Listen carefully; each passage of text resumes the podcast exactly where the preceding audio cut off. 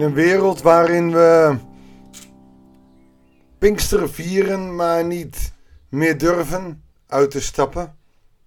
Waarin we weten de geest is uitgestort, maar niet voor ons.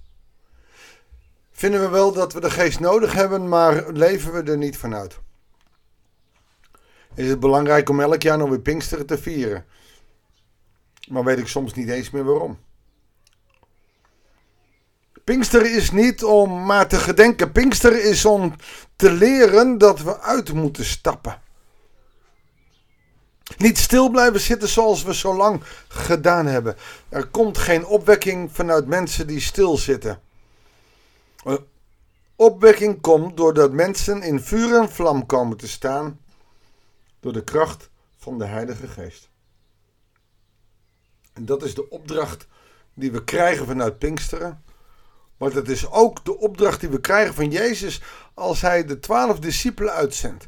En dat verhaal, daar accentueren wij mee. Zie je wel, het gaat om genezen. Nee, het gaat daar niet om genezen. Het gaat bij Jezus nooit om genezing. Dan wel dat ze een blijde boodschap, oftewel het evangelie, zullen horen. Laten we daarom verder gaan in Lucas. En daar in het evangelie ontdekken wat Pinksteren voor ons mag betekenen. Goeiedag, hartelijk welkom bij een nieuwe uitzending van het Bijbels Dagboek. Hij riep de twaalf bij zich en gaf hun macht en gezag om over alle demonen en krachten om zieken te genezen. We lezen Lucas 9, vers 1 tot en met 9. Natuurlijk staat hier duidelijk dat het gezag over demonen en de kracht om ziekte te genezen. Normaal, ik heb van de week al gezegd, uh, ik geloof ook best wel dat God in deze tijd nog geneest. Maar de manier waarop wij dat soms doen is uit den boze. Wij vinden dat God maar in onze opdracht mensen moet genezen. En dat werkt niet. Aan de andere kant wil ik ook niet vol ongeloof zijn. En geloof ik steeds, nog steeds, dat Jezus wel kan genezen. Maar in de Bijbel, en dit blijf ik op hameren, is de belangrijkste genezing.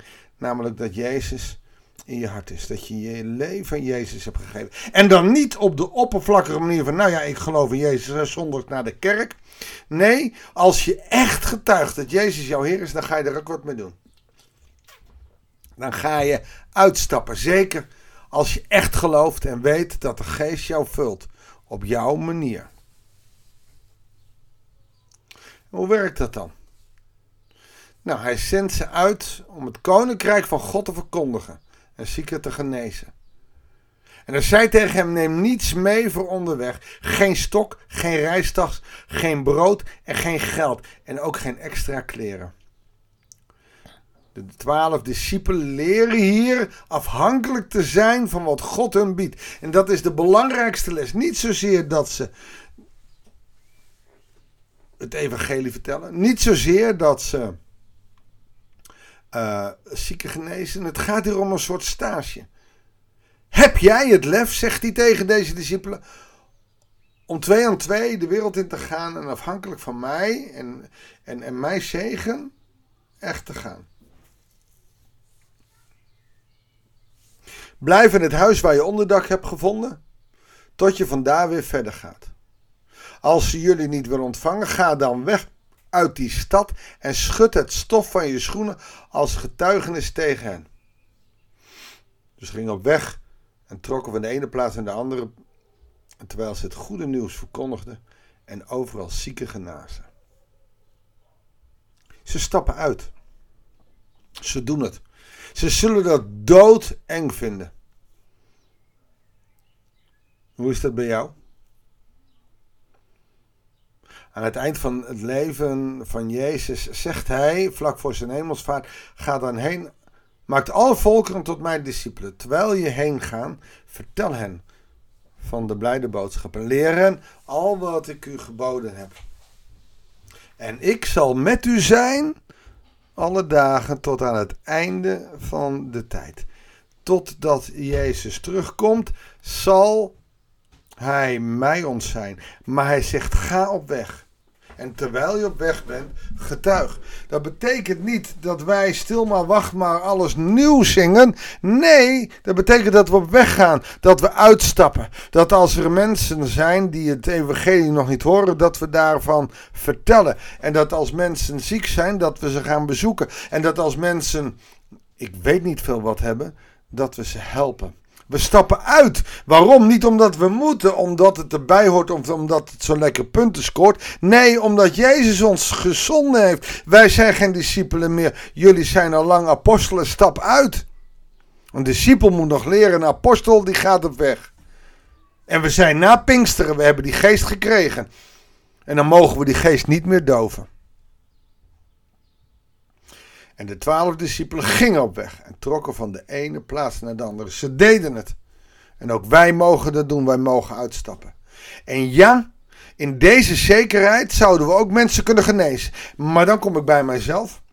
En ik wil ook wel eens bidden voor genezing. En, en dan komt er die twijfel weer. Ja, als je bidt vanuit twijfel en niet die zekerheid dat God het kan, dan wordt het anders. Dus dat er mensen niet altijd genezen, heeft niet alleen maar met God te maken, maar ook met de manier waarop wij bidden. Want er gebeuren wonderen. Maar dat zijn ook mensen die echt geloven dat God wonderen doet, ook in deze tijd. Die stappen uit. En ik vraag jou, stap eens uit. Heb het lef om uit te stappen.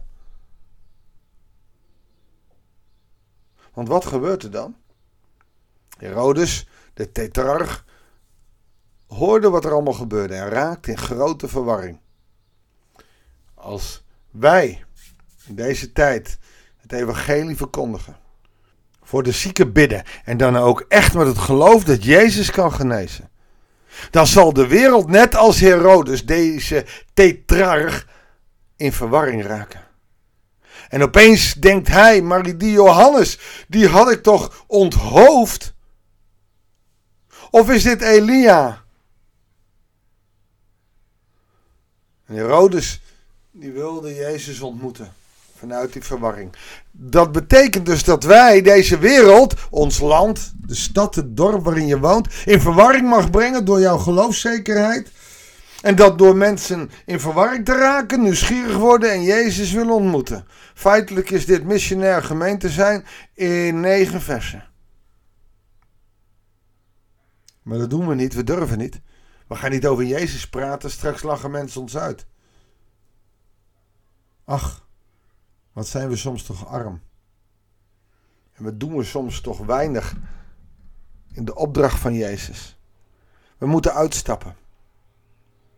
Waarom? Omdat je dat wil. Waarom? Omdat je de geest hebt. Waarom? Omdat je Jezus kent. En als je Jezus kent en werkelijk waar aanneemt, dan wil Hij ons volmaken van de geest. Vraag hem maar om. Maar raak dan niet verrast dat je dan wil uitstappen. Dat er wat gaat gebeuren. Want je kunt niet altijd maar stil maar wacht maar doen. Nee, je zult uit moeten stappen. Opdat mensen verward raken en hun leven aan Jezus geven. En dat is in dit land zo belachelijk hard nodig. Ik wens je daarmee God zegen. Want hij gaat met je mee, dat heeft hij beloofd. En hij doet het ook. Zullen we erom bidden? Heere God, zo komen we bij u. En horen we van uw zoon dat we erop uitgezonden worden. Dat wij kinderen van u zijn. Dat wij gezondenen zijn. En dat onze tijd van discipelschap er nu op mag zitten. En dat u door de Pinkstergeest en ons te geven, ons volwassen in het geloof heeft gemaakt. En dat wij dus van discipel naar apostel mogen gaan. En dat we mogen uitstappen. Heer, help ons met onze schroom. Help ons met onze sepsis. Help ons met ons ongeloof. En wees ons, dienaren van u, man of vrouw, in ons ongeloof nabij Sterk ons door de kracht van uw geest. Laat ons voelen dat we het lef krijgen om uit te stappen. Ter eer en glorie van uw grote naam. Heer, dat we u niet vergeten, maar dat we weten dat u onze Heer bent. En dat u ons nooit alleen zal laten. En dat u dicht bij ons zal blijven. Dank u wel daarvoor. Bidden wij en danken wij u in Jezus' naam. Amen. Dankjewel voor het luisteren. Doe er wat mee. Sta op en schitter. Opdat de Heer door jou groot gemaakt mag worden. Veel zegen erbij. Veel plezier erbij. En ik groet je. En graag tot de volgende uitzending van het Bijbels Dagboek.